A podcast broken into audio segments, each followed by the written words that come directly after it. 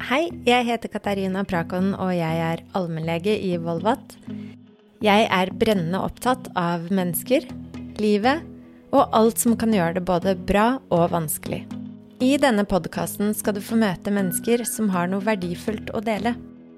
Om helse, sårbarhet, glede, sorger, livet som det faktisk er. I dag skal vi snakke om sexlyst, hva som påvirker den, og hva man kan gjøre hvis den ene i forholdet har mer lyst enn den andre. I dag eh, er vi så heldige å ha med oss eh, Bodil Røynås, eh, som er Volvat sin sexolog. Du er spesialist i sexologisk rådgivning og psykoterapeut med spesialisering i parterapi. Der du både har timer for par, men også individuelle timer. Og i dag skal vi prøve å fokusere på dette med lyst. Det å leve i et parforhold hvor man har ulik lyst. Jeg tror de aller fleste parforhold har ulik lyst. Én vil mer enn den andre. Og hva kommer det av, at man er ulik hvis man fungerer godt på alle livets andre arenaer? Og så er det den sexlysten som er så ulik? Altså I starten, når man er veldig forelsket og ikke sant, i pasjonsfasen, så vil man jo når den andre vil. For da er man så raus og nysgjerrig på den andre. Og liksom, Hvis den ene på en måte ønsker sex på morgenen, så er, man på tilbudssiden. Selv om man er et B-menneske. Og så går det vel et stykke tid når man kommer litt mer sånn at, at forelskelsen avtar. Og da har man jo ofte liksom mer sånn Jeg er egentlig B-menneske, for meg passer det best på kvelden. Så kan den andre si ja, men jeg, for meg passer det best på morgenen. Og så kommer allerede konflikten. Når er det plass til sexliv i forhold til mine behov? Ja. Ja, hvordan skal man Hva skal man gjøre med det, da? Ja, hva skal man gjøre? Altså, de, mange par klarer jo å snakke sammen og finne en løsning på det, liksom at de kommer til enighet. Men veldig mange par sliter å ha språk for seksualitet. De sliter med å snakke om det, og så blir det lettere å avvise. Når jeg er litt vondt i hodet, eller er litt sliten og jeg må rekke jobb. Ja. Og så blir det lett at hvis en da opplever seg avvist av partner, så blir det så sårbart og vondt. Er det derfor det er vanskelig å snakke om? At det stikker litt dypere enn å krangle om oppvasken, f.eks., eller Absolutt. Ja. Det er jo mye mer sårbart tema. Ja. Det er jo liksom basert på at du er trygg, og at du på en måte er sårbar og kan slappe av. Og det er jo mye vanskeligere å slappe av hvis du på en måte kjenner at den andre liksom Når du da spør, liksom og prøver å ymte frampå Kanskje vi skulle ha sex? Mm. Nei så blir det så personlig. Mm. Er det noe med meg som er Er det ikke sånn Er ikke den riktige for deg? Mm. Har jeg gjort noe galt? Mm. Så er det vel bare det at veldig mange har vansker med kommunikasjon generelt, og da blir det iallfall ikke lett når eh, det seksuelle blir vanskelig, for hva skal man da, hvilke ord skal man bruke? Ja, og det tenker jeg vi må ta en runde på. Jeg har bare lyst til å stille et lite sånn oppfølgingsspørsmål til akkurat det du sa nå, fordi du sa man ymter frempå, man prøver seg. Um, er det, du, er det, slik at det er menn som ofte gjør det? For sånn generelt i befolkningen så er det kanskje en forventning eller en tanke om at menn har mer sexlyst. Men er det sånn? Er det din erfaring som sexolog? Jeg vil jo bare si at det er jo det folk tror, at menn alltid vil, og kvinner har mer vanskelig tilgjengelig lyst. Mm. For menn har mer testosteron, mer visuelle. Det er jo mye artikler det står også om dette. Men min erfaring er mer det at én i parforholdet har mer lyst enn den andre. Ja, Hvor den ene kanskje Og det kan være like mye kvinner som har mer lyst enn mann. Ja.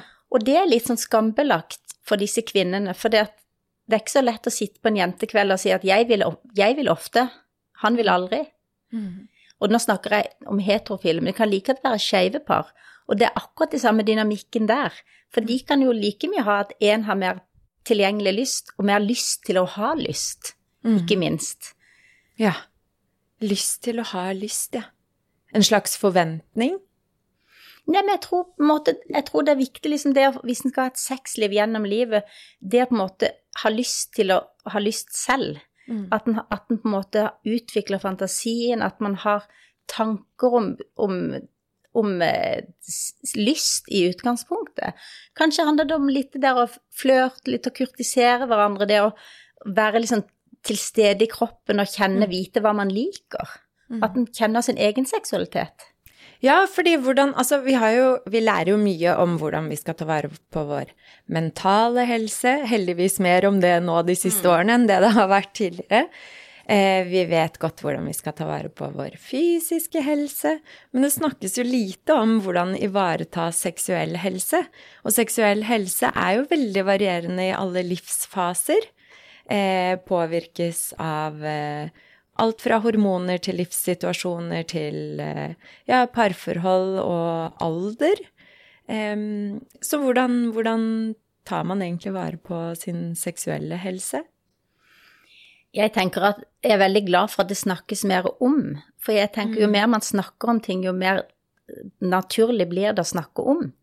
Så jeg tenker at hvis mm. man ønsker å ha et aktivt sexliv, så må man også tenke at jeg har også selv et ansvar for å holde det i gang.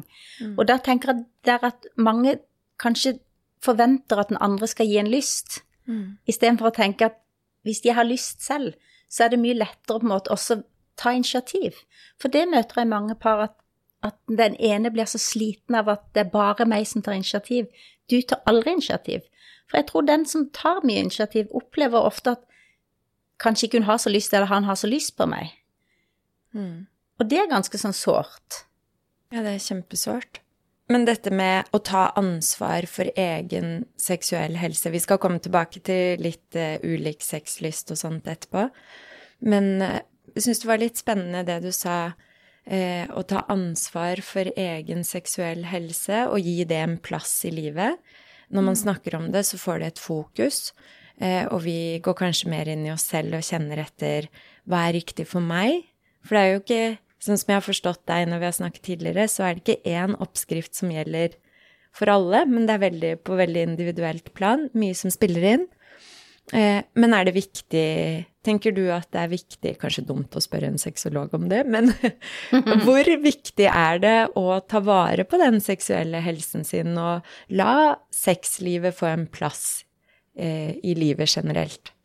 Jeg tenker at det er jo veldig individuelt. Noen har høy drive og lite liksom har en veldig sånn fri seksualitet. Det er lite som hindrer. Mens andre har kanskje en litt lavere drive og kanskje en del motkrefter i den grad at de har opplevd traumer tidligere eller overgrep eller at de har forstrukket seg eller har lite lyst. Og da er det vanskelig å på en måte holde det i gang. Men jeg tenker det at når jeg får inn en individer eller par, så sier jeg alltid at har du lyst selv? For eksempel, hvis en har vilje, så er det lettere å få til ting. Og hvis du da på en måte tenker at hva er det jeg liker? Hva er det, hva er det som tenner meg? For jeg tror at nøkkelen handler litt om å på en måte tenne litt i hodet. At en kan bruke fantasien til å bli tent. At ikke man liksom alltid tenker at det skal være noe mekanisk.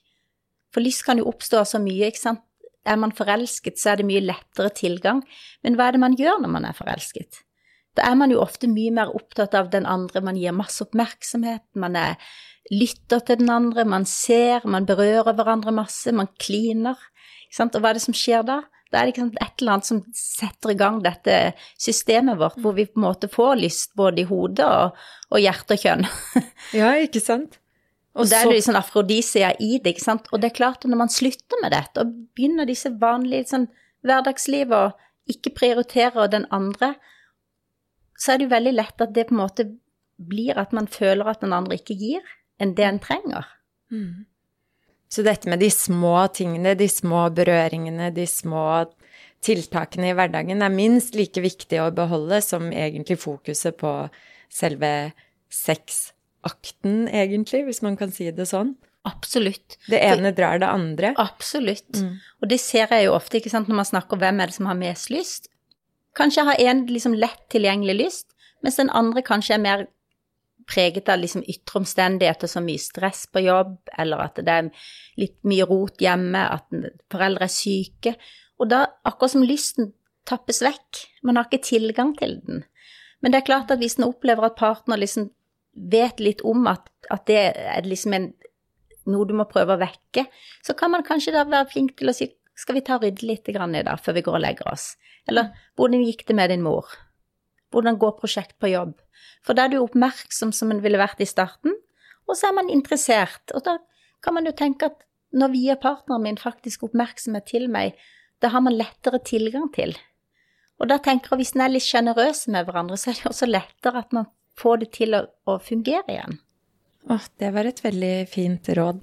Drive varierer, og det påvirkes, som du sa, ikke sant, motkrefter. Ikke sant? Har man en vanskelig barndom, har man opplevd type traumer og overgrep, så påvirker jo det at det er så mye motkrefter til at man har tilgjengelig mm. den lysten. Men noen har kanskje en høy drive og lite motkrefter. De har en veldig fri seksualitet og mm. veldig sånn enkel tilgang hvor det er en viktig ting i livet. Og det kan være både kvinner og menn som har. Og mm. heldigvis flere og flere kvinner som står fram og sier at de også har like mye lyst. Men ofte så finner man en partner som er motsatt av en selv. Mm. Og da blir det jo ofte, ikke sant Hvis en har en høy drive, så kanskje faller man for en person som har litt lavere drive. Ikke sant? Fordi man er ulike. Ikke sant? En er spontan, en er på en måte glad i å planlegge. En er glad i å være rasjonell og saklig, og en er veldig sånn emosjonell og svinger. Det er klart at Og sånn utfyller jo man hverandre sånn absolutt. egentlig. Jo, absolutt, man utfyller hverandre, men jeg tror også veldig mange syns det, når man kommer litt mer den tvilens fase, det er litt irriterende at ikke du er litt mer lik meg. Mm. Men det, det, er da jeg mener at jo mer man kan lære seg å ivareta at man er ulik, i forhold til også dette med lyst For da kommer, ikke sant, hvis man da kan snakke om at jeg har mer lyst enn deg, hvordan ivaretar vi det? Da er man jo inne på at da, da de finner jo ut av det. Mm. Men veldig mange tier stille, og så blir det taust. Og så slutter man å snakke, enten helt sånn praktiske ting, og så slutter man å kanskje være nær hverandre, stå opp på ulike tidspunkt, legge seg på ulike tidspunkt. Det, det praktiske litt, rundt. Mm. Ja. For det er når man liksom har fokus på at jeg vil ivareta den nærheten. Mm. Jeg vil passe på at jeg er tilgjengelig for den andre. Og da er vi inne på det språket som vi snakket om tidligere, ikke sant? Hvordan snakke med hverandre om eh, sex og sexlyst og ulik sexlyst. Har du noen sånne konkrete setninger eller eh, måter å snakke om hvis den ene i parforholdet har mer lyst og den andre har mindre lyst? Hvordan kan man snakke med hverandre? Jeg tenker at å bli litt sånn kjent, og da er det jo noen som kan ha glede av å komme og snakke med en tredjepart. For det er akkurat som man klarer lettere å lytte til hverandre når det sitter en nøytral part i rommet. Og finne ut For det, ofte så tror man kanskje at, at, den andre avviser for å være slem, men ofte handler det om at ikke en føler seg sett. Mm. Og da på en måte så blir man mer og mer keitete i tilnærmingen til det seksuelle når ikke det fungerer. Og derfor blir det liksom Det bare koker eh, opp. Det blir bare større og større, dette temaet. Ja, og det blir større, og så blir man litt unnvikende, så man slutter kanskje å ivareta liksom hvordan ha det bra i viet. Så blir man kanskje mer fokusert på å leve liksom parallelle liv, hvor man tenker hva er det jeg trenger. Ja. Og så blir det mye kanskje sånn at en har egen seksualitet og gir litt opp dette viet og den parseksualiteten. Da forsvinner jo ofte viljen litt ut. Ja, for det har jeg tenkt mye på, sånn som du var inne på i småbarnslivet, hvor man faktisk Hvor det er en sårbar tid mm. i parforhold, eh, og man er okkupert mesteparten av døgnet. Eh, og når man ikke har sovet på tre uker, så er vel kanskje det siste man tenker på sex. Eller for mange, i hvert fall. Eh, og så sitter det en partner som kanskje ikke reagerer sånn på nedsatt eh, søvn, som fortsatt har denne sexlysten som Og da glir man åpenbart fra hverandre. Men dette med nettopp den nærheten og det å se hverandre og være inntil eh, og prioritere sex, er jo egentlig det eneste man har igjen som man bare kan dele med hverandre. Nettopp, og derfor er det så rart og trist å observere at det er så mange som slutter å ha sex, og hvor det blir så vanskelig tilgjengelig, det som er så naturlig. Mm. Og jeg tror det at hvis man da på en måte prioriterer og tenker at Eksempelvis hadde hatt Drømmen hadde jo vært at, at par som var gravide, hadde et par timer hvor man snakket litt forebyggende. Mm. Husk på å komme i gang med sexlivet, husk å ligge nær, husk å vie oppmerksomhet også til din partner, mm. og ikke bare på barnet. Mm. Så, så, jeg tror det handler litt om det, der, det å ta initiativ og ha, ta ansvar selv for både å ha lyst, og også for å ha lyst til å, å bevare intimiteten og sexlivet. Mm. For hvis en forventer at du skal jo, du skal jo gjøre meg lykkelig, mm. så blir man jo ofte litt sånn der litt ulykkelig, for hvis jeg, altså, jeg har jo ikke tilgang til lysten, det må være noe med deg. Ja, og det der er litt spennende. Eh, det er jo veldig mange som eh, tenker har alle mer sex enn meg? Ja, og det er så skambelagt, og særlig da disse kvinnene som har mye mer lyst, og som har en partner som som alltid på en måte har diverse unnskyldninger for at ikke de har lyst, mm. så blir det veldig sånn vanskelig å si at nei, jeg får ingenting. Og da tier man jo. Mm. Istedenfor jeg oppfordrer folk til å heller snakke om det, mm. Tør å si at det er vanskelig for meg, for da opplever de jo ofte at andre også har det på samme måten. Mm. For det er jo like vanskelig for alle, og det krever jo liksom en vilje til å holde ting i gang. Ja, er det like vanskelig for alle, eller opplever du Eh, når du får inn på kontoret at eh, det er mer skambelagt for menn å ha mindre sexlyst? Absolutt. Det er veldig mange menn som syns det er kjempevanskelig. Og også blir det ofte en seksuell dysfunksjon. Mm. At de rett og slett sliter med å få reisning med partner. Eller at ja, de kanskje Det er både det mentale og det fysiske? Det blir fort mm. rett og slett fysisk. Ja. Hvis de har blitt avvist over lang tid. Ja. Hvordan henger det sammen, det mentale og det fysiske? det henger jo sammen, for hvis man da går rundt og blir avvist gang på gang, så, så vekkes jo mange motstridende følelser i det eksempel du tar initiativ da på nytt og prøver en gang til. Mm. Og hvis da partner liksom har en unnskyld, nei, jeg orker ikke, jeg har ikke lyst, mm. så blir man både lei seg, så blir man kanskje litt frustrert, og så er det noe avmakt inne i bildet, så blir man kanskje skam involvert, har jeg gjort, er jeg feil? Kanskje har jeg gjort noe galt? Mm. Og da, ikke sant, når hjernen oppfatter at man har alle disse motstridende følelsene, så, så aktiveres jo binyrene og produserer adrenalin, som om man er i fare. Ja. Og da, ikke sant, i løpet av veldig kort tid så husker kroppen tilsvarende sånn kaosfølelser. Og i løpet av veldig kort tid så kollapser det somatiske nervesystemet, som du vet. Mm. Da, da, Fight or flight. Fight or flight, ikke sant. Mm. Da går man i overlevelsesmodus, og så skrelles alt. Ja, så amygdala mm. blir jo på en måte deaktivert. ikke sant? Du, du måte har ikke noe sånn blodsirkulasjon i underlivet engang. Mm. Så det er klart at det er ikke så lett da å få Så alt henger sammen med alt, litt alt sånn kort fortalt? Absolutt. Men det er ganske interessant for disse mennene da som kommer inn og sier at 'jeg får det fint til alene', men jeg får det ikke til mot en partner. Ja, det er veldig spennende. Ja, og så er det liksom også så fint at de kommer. Jeg blir så glad hver gang eksempel urolog har sendt og sjekket ut at her er det ikke noe fysiologisk i veien. Og da, når de kommer og liksom ganske fort forstår at dette henger sammen med eksempel kan en mann liksom ha blitt avvist i veldig mange år. Mm. Til slutt så blir det vanskelig å ha sex med en partner. Det fungerer fint alene da man har liksom visuelt kanskje sett på noe, øh, altså fantasert eller sett porno så hadde, så hadde det fungert for, for vedkommende. Og så får det en kjæreste, og så husker kroppen alle de gangene man har blitt avvist. Mm. Og det, er på en måte, det er så viktig å da iallfall søke hjelp, for det, jeg tror på en måte at Så man kan reparere hvis man søker hjelp? Det er mulig å reparere? Absolutt. Selv om det har pågått i mange år? Og da å kunne sende det til leger, så la de få eksempel få lov til å prøve Cialis. Ja. Ta en halv tablett annenhver dag. Ja. Hvor de får liksom litt sin genitалidentitet tilbake. Ja. Litt mestringsfølelse og Nettopp. Mm. For når, når, det setter seg fysisk, så er det jo ofte gått over lang tid. Ja. Hvor på en måte, kroppen på en måte Det blir fysisk. Ja. Men hvilke råd eh, ville du gitt hvis et par kommer, og det har pågått over lang tid, og barna har hatt førsteplassen i livet, jobb, karriere kanskje over lang tid, og så kommer man litt ut på andre siden. Eh, barna har blitt større, karrieren er eh, satt, og man trives der man er, og så ender man opp med å se at oi, hei, det er ikke som det var mellom oss, og vi lever Har det egentlig ikke så bra. Ville du på en måte En ting er å snakke om det og viktigheten av det og kanskje få en tredjepart inn, men eh, tenker du at det er en god idé å sette av eh, sånn For det har jo vært snakk om en del sånn kalendersex, eller at man skal sette av dager, to eller tre dager i uken, eller én dag i uken. Har du noen sånn konkret oppskrift? Jeg tror akkurat det på en måte er det veldig mange som blir veldig provosert av. Ja. Jeg tror det at hvis man på en måte har glidd fra hverandre gjennom mange år, og etablert at man kanskje ikke har sex mer enn noen ganger i halvåret, mm. så blir det liksom sånn har vi det. Og så har man gitt opp så mange ganger, og viljen er liksom litt borte til å på en måte ivareta den andre.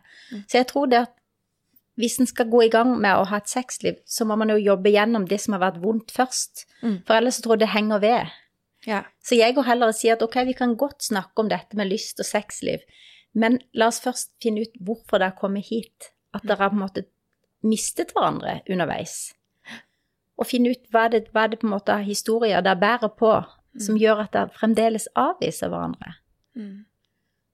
Og da tror jeg da er det lettere, på en måte, når man har fått jobbet gjennom det som har vært vondt, og sett liksom kanskje at den andre angrer, at du liksom ser og det var ikke min mening, jeg har aldri ment det på den måten, så reparerer det noe.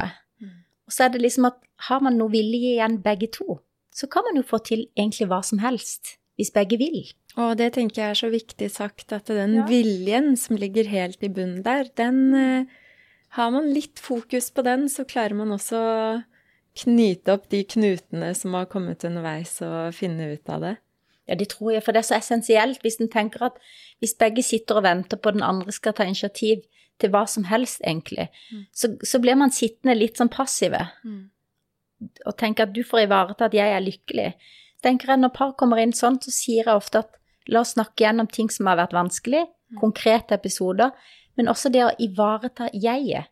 Hva er det jeg trenger for å ha det bra? Hva lader batteriet mitt, og hva tapper det? Og det, og det, er veldig spennende at du sier, for jeg leste en gang eh, et råd, i hvert fall til par, eh, hvor det sto Det bare tok jeg sånn til meg at du skal gi 60% og ta 40 eh, og forvente 40% i retur. Gjelder det for eh, seksuell helse i et parforhold også? Ja, det vil jeg jo tenke. Det er akkurat som man sier man har to ører og én munn. Ja. Sant? Man skal lytte mer enn man prater. Og det er jo det er jo ofte sant, krevende, meg selv inkludert. Det må man jo øve litt på. ja, helt riktig. Jeg følte meg litt truffet. Ja, jeg òg. Men uansett så er det så viktig, for jeg tror det at hvis man har lyst til å gjøre den andre vel, hvis man har liksom en tanke at jeg har lyst til at du skal ha det bra med meg, mm. og da kan det liksom Hva trenger du fra meg? Mm. Er det noe jeg kan gjøre for deg? Det er klart at veldig ofte så har man ulikt kjærlighetsspråk. Så kan en kanskje gjøre mye og tenke at 'jeg gjør jo alt', hvorfor, hvorfor er du ikke fornøyd? Og så er det ikke det som betyr noe for den andre, egentlig. For man Nei, klarer ikke å treffe på de små tingene som egentlig treffer hjertet til den andre. Men jeg har ikke spurt heller. Man har ikke spurt jeg har aldri heller. snakket om det. Jeg tror veldig lett at, at, noen kan tenke at ok, nå har vi etablert dette vi vårt, og så tenker at det kan kjøre og gå. Mm så trenger vi ikke jobbe noe med det. Men det å være i relasjon er jo det å hele tiden kontinuerlig snakke sammen. For både lysten endrer seg gjennom livsfaser, ikke sant, fra at man er ung og har masse kapasitet og ikke noe ansvar bortsett fra en selv. Og så kommer liksom faser med kanskje med barn eller mye jobb, eh, hunder, katter og dyr, altså alt det man på en måte vier livet sitt til. Så, så, på en måte så, så, er det faser, og så kommer det en fase hvor barna blir litt eldre, og så er det andre utfordringer som kommer. Så blir det mer tid til voksenlivet igjen. Og så kommer overgangsfase med overgangsalder, det kommer midtlivskrise, det kommer tidspunkt hvor barn flytter ut, og det nærmer seg pensjonsalder. Det er klart at det er jo så mye som skjer gjennom livet. Og det er i disse overgangsfasene som det ofte går utover eh, sexlivet, ikke sant, og lysten. Jeg tror iallfall over, altså de overgangsfasene får iallfall den ene i parforholdet til å sette seg og tenke hm, er det sånn jeg vil leve? Mm. For eksempel hvis en har mistet en forelder, så er det mange som kommer og så sier de jeg har kommet til et punkt i livet at jeg trenger noe mer. Jeg kan ikke fortsette å leve her uten sex. Hatt... Men er det da et godt tidspunkt å ta en avgjørelse, eller eh, Da er man jo ofte litt sårbar og affektert kanskje av disse tingene rundt. Ehm, er det Bør man da, hvis man tenker hm, nei, dette vil jeg ikke, gå videre, eller ta seg tid? Jeg tenker at når man er i en krise, så er det jo dumt å ta et stort livsvalg. Da tenker jeg det handler mer om å liksom tenke at vi må snakke. Mm. Og hvis ikke de klarer å snakke selv, så handler det om å gå og snakke med noen. Mm. Snakk med, liksom, Hvis du vil snakke med en sexolog, eller gå og snakke med en, en parterapeut, eller på en måte få, få i gang liksom dette samtale, samtalesporet hvor du på en måte før kunne ha en åpen, fri dialog. Mm. Og liksom å snakke. Hva er det som man, hindrer oss? Ja, for veldig mange Eller veldig mange, men jeg treffer jo eh, med jevne mellomrom eh, både kvinner i overgangsalder, menn har jo en overgangsalder, som mm. det også snakkes altfor lite om. Eh, eller kriser, som du sier, veldig sorgreaksjoner på foreldre som har gått bort, eh, osv. Mm. Og de som står midt i det, føler eh, vel kanskje litt sånn, hvis jeg skal tenke tilbake på det du har fortalt nå, at man har sånn behov for å gå inn i sitt eget skall, og at det føles veldig um, uh, Ja, at det siste man har lyst på, egentlig er en klem eller nærhet til en partner. Uh, og at det er vanskelig. Er det lov å sette sexlivet på pause i sånne store ting som skjer i livet, eller er det dumt å gjøre? Selvfølgelig er det alt er lov, mm. men det er jo det at veldig mange setter det på pause litt for ofte og litt for lenge. Ja. Det er akkurat som hvis du er sykemeldt en viss periode 100% så er det vanskeligere for hver dag som går å komme tilbake. Sånn er det med sexlivet også. Hvis man helt slutter, så blir det mer og mer vanskelig tilgjengelig. Man vet ikke helt hvordan, hvordan ta det opp. Ja. Og så venner man seg til at ok, det, sånn har ikke vi det. Mm. Og så skrur man kanskje av lysten. Og der tenker jeg det er viktig at hver, en, hver, både kvinne og mann tar ansvar for å ha lyst. Mm. Ok, nå tappes det bort, hva kan jeg gjøre for å holde det ved like? Men i kriser som dette, så tror jeg på en måte vi må bare prøve å lytte til hverandre. Mm. Jo mer den andre lytter til en og hører hvordan en har det, uten å skulle løse problemet ditt, men bare aktivt lytte. Og da sier jeg noen ganger med et par som har gått og kjørt seg veldig fast, hvor på en måte den ene har kanskje mistet viljen og er usikker på om de vil kanskje skilles, så tenker jeg det å kanskje av og til av og til til og med sitte med ryggen til hverandre og bare lytte til den partner som er frustrert. For får man liksom ut frustrasjon, så, så, blir, så letter den jo. Mm. Hvis man holder den inne, så bygger den opp. Og det er klart at går man og bærer på mye frustrasjon man aldri får utløp for, så, så blir det jo ofte sant, at en da også avviser hverandre seksuelt. For sant, man er så frustrert.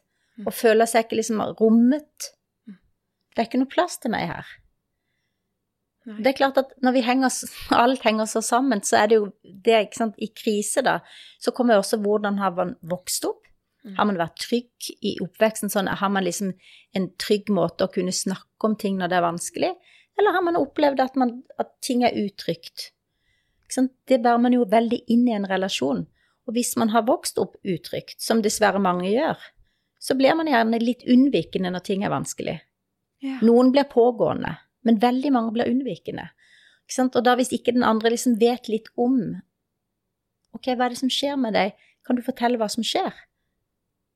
Så blir det jo mye vanskeligere også å, å fange det inn, for man heller tenker at hvorfor, hvorfor avviser du meg, eller hvorfor trekker du det så bort. Og da blir det en avstand som gjør Absolutt. det vanskelig å gi en klem og få en nærhet og Absolutt.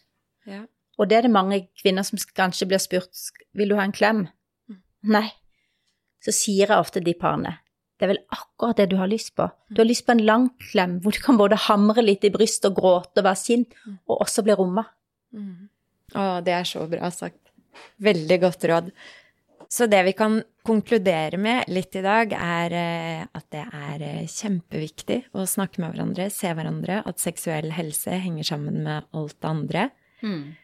Og at det ofte ikke er noe feil med partneren, men at man har en helhet som man kan ta tak i, og at det er vilje i bunn som er et viktig verktøy å ha med seg videre. Så lenge man har den, så kan man klare alt.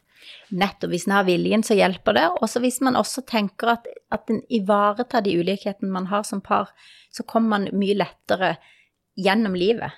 Ivaretagelse og forebyggende, sånn som du sa, det likte jeg så mm. godt for par som er på vei inn i en ny livsfase med barn osv. At mm. man ikke bare driver med forebyggende hjertehelse med jogging og spise sunt, men at man også forebyggende seksuell helse og ha med seg litt verktøy videre. Og prioritere litt tid til hverandre. Kanskje ha en kjærestedag en gang i uka. Og det kan være så lavterskel at man legger seg tidlig, eller at man tar en pizza og ser film.